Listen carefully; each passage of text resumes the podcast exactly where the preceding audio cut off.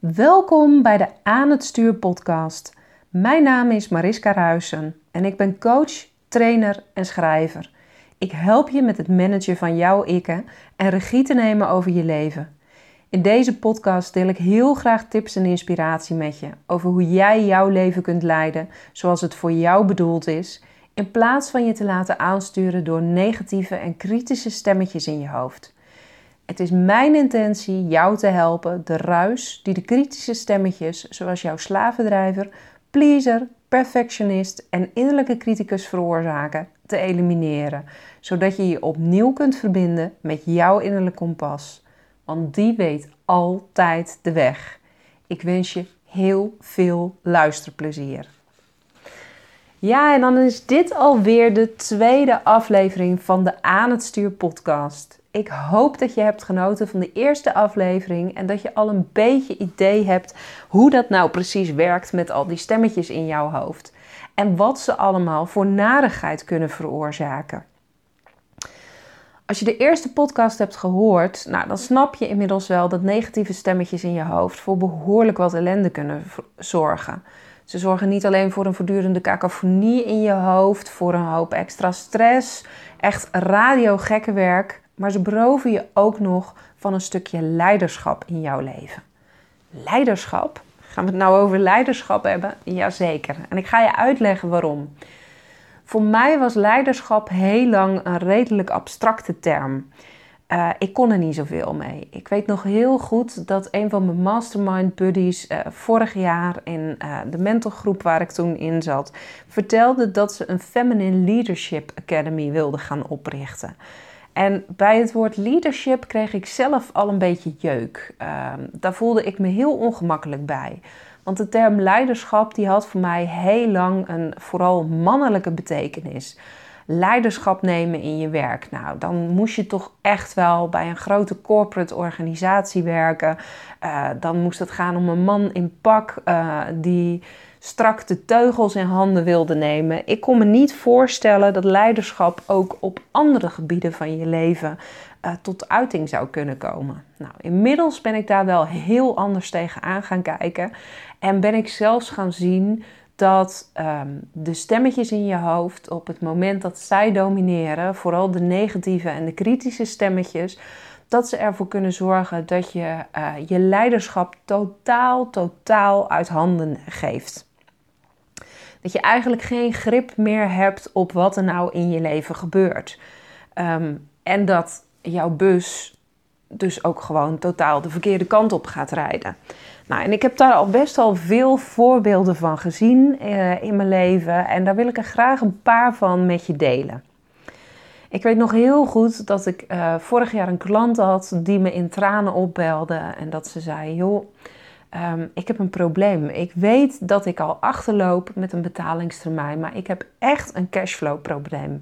Uh, en het komt goed, want ik zit te wachten op uh, betaling van een aantal instanties waar ik voor werk. En dat kan ieder moment binnenkomen. Maar ik bel je toch om je eventjes te laten weten um, ja, dat je gewoon nog eventjes op je geld moet wachten. Nou, en normaal gesproken zou mijn innerlijke pleaser waarschijnlijk hebben gedacht: ach joh, dat komt wel goed. Uh, op het moment dat zij me dat verzekert, dan zal dat vast wel in orde zijn. Maar er gebeurde in mij iets heel anders. Want ik werd enorm getriggerd door haar woorden. En uh, vooral ook door de nonchalance waarmee ze het naar voren bracht. Van het komt wel goed.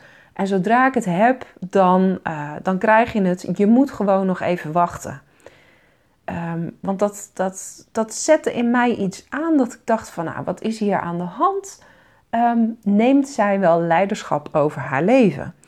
Dus ik spiegelde haar ook en ik zei tegen haar van, uh, joh, maar zijn dit dan de enige inkomsten die jij op dit moment hebt? Volgens mij zijn wij samen in een programma eraan aan het werk dat je ook uit je eigen praktijk veel meer inkomsten kunt genereren. Wat is hetgene wat jij nu eigenlijk de afgelopen maanden hebt gedaan om te zorgen dat je aan je betalingsverplichting aan mij kunt voldoen? Nou, toen werd ze heel erg boos. Uh, van ja, dacht je dat ik nou echt heb zitten niksen de afgelopen weken? Je weet niet half hoe zwaar ik het heb. Er staat nog maar een paar euro op mijn rekening. Um, en vervolgens begon ze heel hard te huilen. Ehm, en ik zei dus ook tegen haar van, joh, wat is hier nu eigenlijk aan de hand? Want je zit enorm in een slachtofferrol en je maakt je enorm afhankelijk van alle uh, instanties van wie jij nog geld te goed hebt. Maar ja, daar heb ik niet echt een boodschap aan. Uh, wie denk je dat er op dit moment bij jou aan het stuur zit? En um, ik had het natuurlijk al lang door dat haar afhankelijke ik aan het stuur zat. Maar die werd nog wel geflankeerd door een aantal andere types. En die types die maakten het haar zo ontzettend moeilijk dat ze uh, dus eigenlijk ook niet in staat was om de dingen te doen die ze graag wilde doen. Want ze zei, ja, weet je, ik heb al lang in mijn hoofd dat ik een bepaalde workshop uh, wil gaan geven en dat ik die ook wil gaan promoten. Maar als ik dat wil gaan doen, dan kies ik steeds de verkeerde woorden. En um, ja, ik zou misschien best wel, als het schrijven me niet afgaat, een Facebook Live kunnen doen. Maar als ik zo ontzettend gestrest ben en niet lekker in mijn vel zit, ja, dan denk je toch niet dat ik met mijn kop op video ga. Wat zullen andere mensen daar wel niet van denken? En toen kwam er nog iets achteraan en toen zei ze van ja, en om heel eerlijk te zijn, de grootste barrière die ik voel om dingen in de wereld te gaan zetten, dat is dat ik eigenlijk gewoon helemaal niet zo goed weet wat ik nou echt wil. Waar ik nou echt blij van word. Want er is steeds een stemmetje in me die zegt: wat je ook doet, niets is goed genoeg.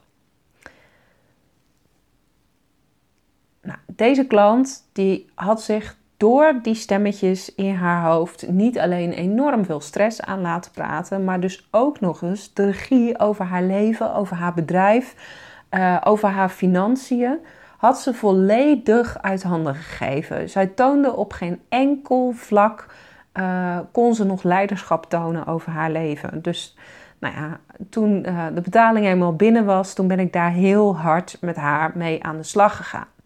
En dit is nu misschien een beetje een extreem voorbeeld. Als je hoort van nou, iemand gaat zich dus verschuilen achter excuses waarom ze niet aan een betalingsverplichting kan voldoen. Maar er zijn natuurlijk op dit moment ontzettend veel mensen in Nederland die met betalingsachterstanden of met schulden kampen. En dan kun je wel zeggen van ja, uh, heel veel mensen zijn ongewild in die situatie te, uh, verzuild geraakt. Maar ik ben er ook van overtuigd dat een heleboel mensen niet in die situatie verzeild hadden hoeven te raken als zij volledig leiderschap over hun leven zouden hebben gehad. Als zij volledig de verantwoordelijkheid zouden nemen voor alles wat er in hun leven gebeurde.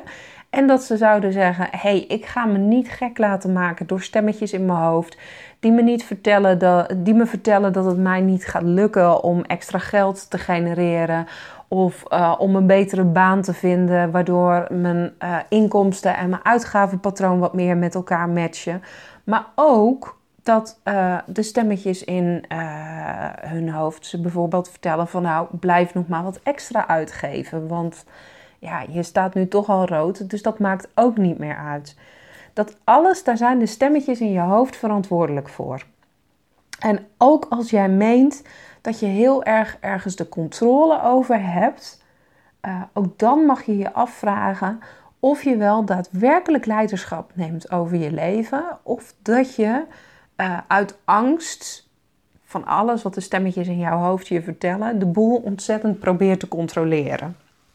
Nou, daar zal ik ook een voorbeeld van geven. Ik. Uh, begeef me sinds een aantal maanden in uh, het uh, datinglandschap, de online datingwereld, op verschillende datingsites. En uh, helaas nog niet met heel veel succes. Ik ben in ieder geval de prins op het witte paard ben ik nog niet tegengekomen. Um, en ik zie het inmiddels ook maar gewoon als een platform om in ieder geval leuk met andere mensen in contact te komen, gezellige gesprekken te hebben. En ik ga ervan uit dat als het de bedoeling is dat mijn droomprins echt wel een keer langs gaat komen. Maar wat mij opvalt in de gesprekken die ik heb met uh, mannen op die dating sites, is dat er vrij veel mannen zijn die aangeven geen vaste relatie meer te willen. En daar is op zich niks mis mee natuurlijk, want iedereen uh, heeft daarin een eigen keuze. En uh, ik ga ervan uit dat als je inmiddels de 40 gepasseerd bent, dat je echt wel weet wat je wel en niet wil in het leven. Alleen als ik dan door ga vragen bij een aantal van die mannen van joh, wat maakt dat jij geen vaste relatie meer wil? Is dat omdat je uh, nu gewoon ongebonden wil zijn, uh, je eigen weg wil volgen en je dus niet wil laten beperken door een vrouw? Of is er misschien iets anders? Dan geven ze vrijwel allemaal aan dat er zeker iets anders is. Dat ze eerder gekwetst zijn geraakt. Dat ze alles flink zijn bedrogen geweest of op hun hart getrapt door een vrouw. En dat ze er nu liever voor kiezen om iemand niet meer te dichtbij te laten komen, zodat ze zich ook niet hoeven te gaan hechten en misschien opnieuw weer de pijn van een breuk moeten doorstaan. Nou, en daar vind ik wel wat van. um, natuurlijk is dat nog steeds je eigen keuze. Maar ook deze mannen nemen dus absoluut geen leiderschap over hun eigen leven. Ze denken misschien dat ze de touwtjes uh, heel slim in handen hebben en dat ze precies bepalen wat zij wel en wat ze niet willen doen. Maar uit angst voor een tegenslag, uit angst voor het alternatief, houden ze zichzelf dus weg van echte liefde. Ja, en dat is toch wel dood en doodzonde natuurlijk als je dat uh, niet meer kunt toestaan in je leven. Ik zie het zo dat leiderschap nemen over je leven inhoudt dat je jezelf alleen het aller, aller, allerbeste gunt. Dus dat je um, um, ervoor zorgt dat je de best mogelijke voeding tot je neemt. Uh, dat je regelmatig sport, dat je voldoende ruimte hebt om jezelf te ontspannen. Maar dus ook dat je het jezelf toestaat om liefde en plezier in je leven te ervaren. En um, nou ja, tot op zekere hoogte deze mannen die natuurlijk aangeven van joh, ik uh, ben niet op zoek naar een vaste relatie, uh, staan ze zichzelf wel een vorm van plezier toe. Maar ja, heel veel verder dan platte seks gaat het niet. Nou, dat leiderschap nemen in je leven, ik denk dat het op heel veel vlakken, op heel veel fronten, daar misgaat. En dat is eigenlijk ook wel de belangrijkste missie die ik heb met aan het stuur, met de, met de podcast, met mijn boek, met de training, met de coaches die voor me werken, omdat ik zie dat er nog ontzettend veel verbeterd kan worden. Ik zie bijvoorbeeld uh, bij heel veel instanties um, uh, en bedrijven dat mensen eigenlijk gewoon slaafs volgen wat hen wordt opgedragen. Um, zolang er maar iedere maand een salaris binnenkomt, um, ja, dan, zal het ze eigenlijk jeuken waarvoor ze nou precies betaald worden. Eventjes heel kort door de bocht. Ik heb zelf jarenlang uh, bij het Openbaar Ministerie gewerkt, maar heel nauw samengewerkt met uh, zorginstanties, verschillende zorginstellingen.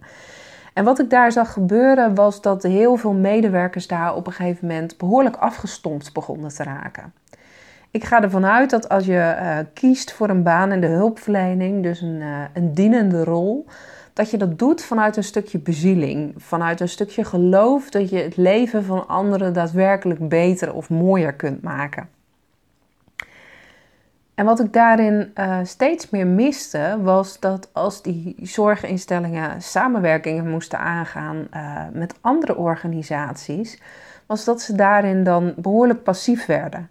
Dat ze zeiden van ja, de plannen en de ideeën die nu op tafel komen, uh, die zijn fantastisch. Die zijn hartstikke gaaf en uh, wij willen daar ook echt wel wat mee. Maar ja, er zijn bezuinigingen.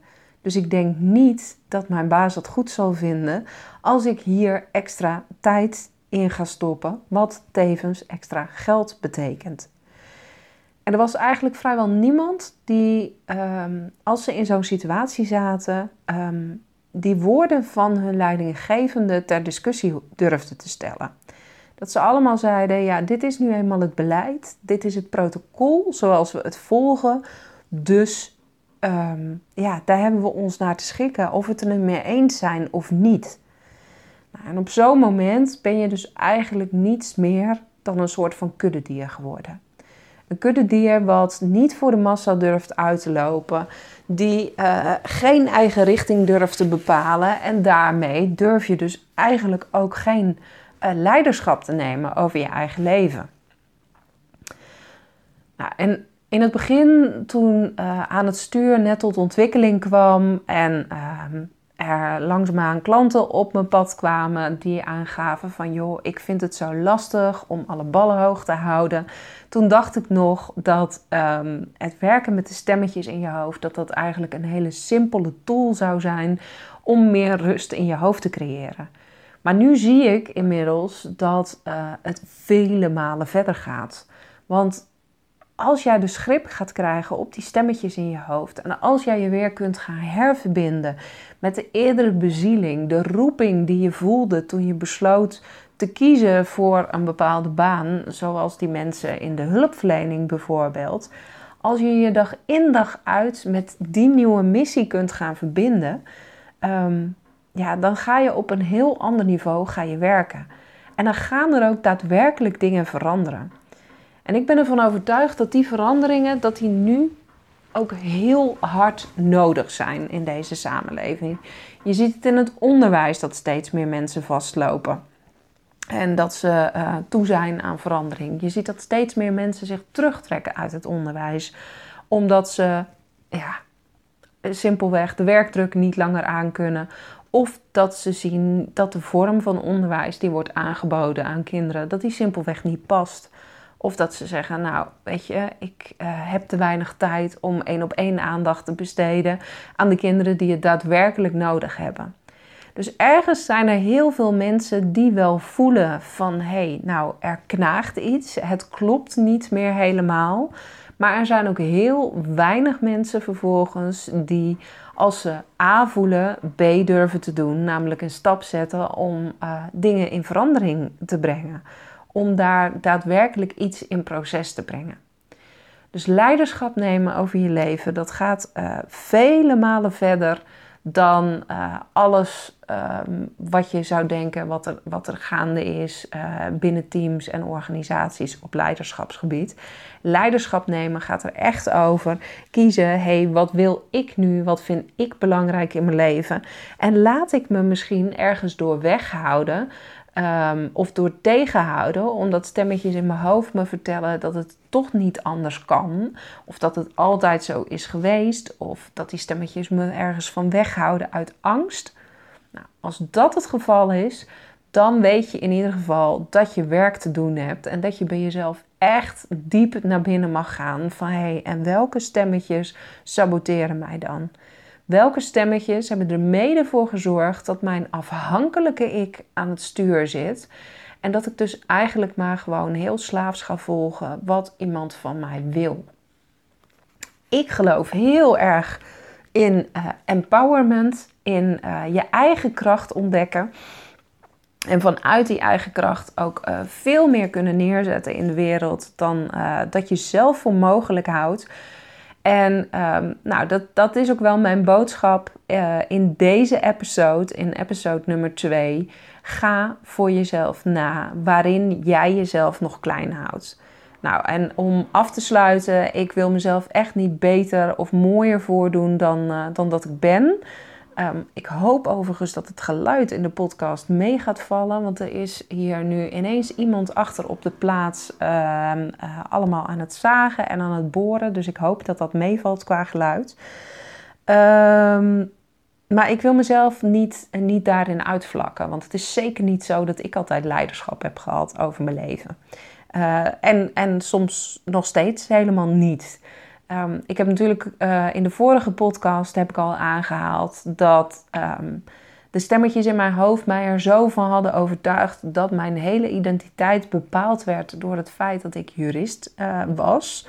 Uh, dat ik me niet kon voorstellen dat ik ooit iets anders zou gaan doen. Nou, dat moment had ik natuurlijk geen enkele leiderschap over mijn eigen leven. Um, en ik heb daarin heel veel stappen gezet en ik ben mijn eigen pad gaan volgen. Maar betekent dat dan dat je dan helemaal los bent van die stemmetjes, nooit meer ergens last van hebt en dat je op alle fronten in je leven leiderschap neemt? Nou, alles behalve hoor. Ik kan je vertellen dat dit voorjaar, toen ik uh, bezig was met het schrijven en het uitbrengen van mijn, uh, van mijn eerste boek, dat ik uh, behoorlijk werd overrompeld door de stemmetjes in mijn hoofd. En dat ook zij mij uh, weer klein wisten te krijgen. Dat ze ervoor zorgden dat mijn afhankelijke ik weer enorm op de voorgrond kwam staan. En dat ik vooral heel erg de behoefte kreeg om uh, op anderen te willen leunen. Nou ben ik nooit, en waarschijnlijk heeft dat uh, te maken met het feit dat ik hooggevoelig ben. Um, maar ik ben nooit iemand geweest die heel erg makkelijk om kon gaan met grote veranderingen in zijn leven. Um, bij mij is het uh, lopen die veranderingen die lopen makkelijker, die verlopen soepeler als ik ze zelf in de hand heb en als ik ze een beetje gefaseerd kan doorvoeren. Nou, dit jaar is voor mij echt het jaar van de grote veranderingen. Mijn relatie liep stuk na 14 jaar. Uh, ik ben alleen gaan wonen. Ik woon nu in een prachtig huis, uh, maar het is tijdelijk. Dus volgend jaar is maar de vraag van nou, waar, kom ik, uh, waar kom ik dan terecht en wat gaat mijn werkplaats zijn.